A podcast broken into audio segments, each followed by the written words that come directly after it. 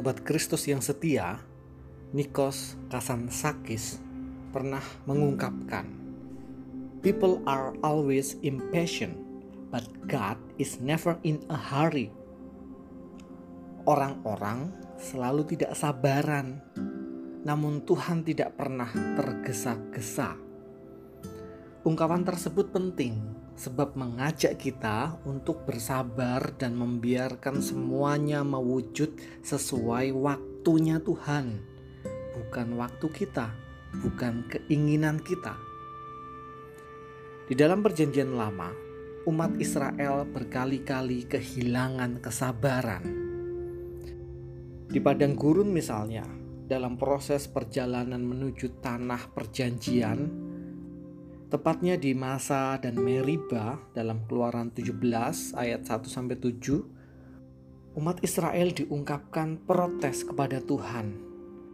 Mereka menggugat Tuhan dengan tidak sabar dan mempertanyakan sampai berapa lama Tuhan kami berada dalam kesengsaraan.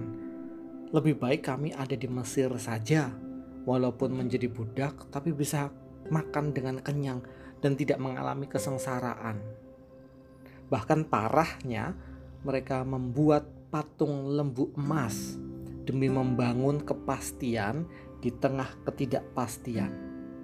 Demikianlah kitab suci kerap kali menunjukkan dan mengisahkan bahwa penderitaan, kesengsaraan yang menimbulkan frustasi sering kali membuat umat mempertanyakan keberadaan Tuhan Tuhan ada atau tidak?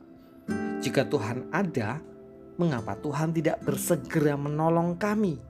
Mengapa Tuhan lama sekali mengulurkan tangannya kepadaku? Demikian misalnya, sebagaimana diungkapkan di dalam Mazmur pasal 70 ayat 1 sampai 2. Memang menanti adalah sebuah proses yang tidak menyenangkan, yang melelahkan, sebab dipenuhi dengan ketidakpastian. Dan realitasnya, saat ini kita pun tengah menanti. Kita tengah menanti vaksin. Kita tengah menanti usainya pandemi. Kita sedang menanti kapan rasa khawatir, rasa takut, rasa bosan, rasa jemu ini sirna. Kita tengah menanti pemulihan, kesembuhan, dan kita menantikan momen ketika kita semua dimungkinkan untuk kembali berkumpul secara ragawi dengan bebas.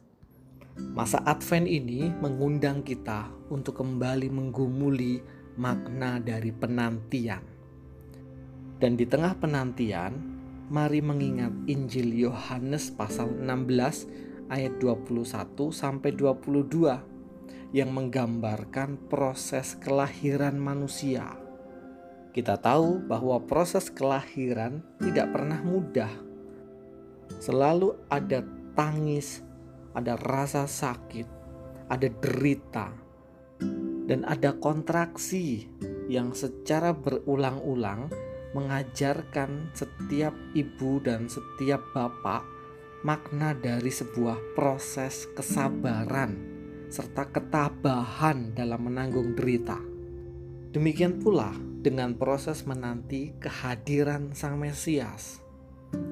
Air mata, rasa sakit, derita, dan doa yang tanpa lelah dibutuhkan sebagai sebuah kondisi yang menghantar lahirnya sukacita.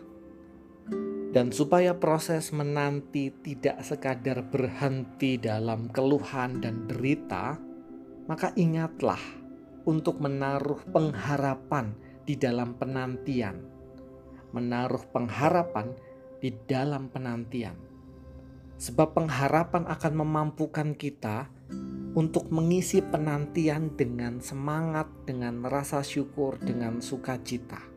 Yohanes 16 ayat 21 dan 22 mengungkapkan dengan jelas.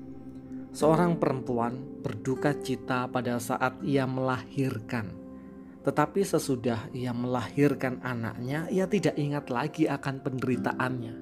Karena kegembiraan bahwa seorang manusia telah dilahirkan ke dunia. Demikian juga kamu sekarang diliputi duka cita. Tetapi aku akan melihat kamu lagi dan hatimu akan bergembira dan tidak ada seorang pun yang dapat merampas kegembiraanmu itu daripadamu. Maka sobat Kristus yang setia, mari menanti dengan penuh pengharapan supaya di tengah semua ketidakpastian kita boleh memiliki kepastian yang kita imani bahwa pada akhirnya segala sesuatu akan baik. Amin.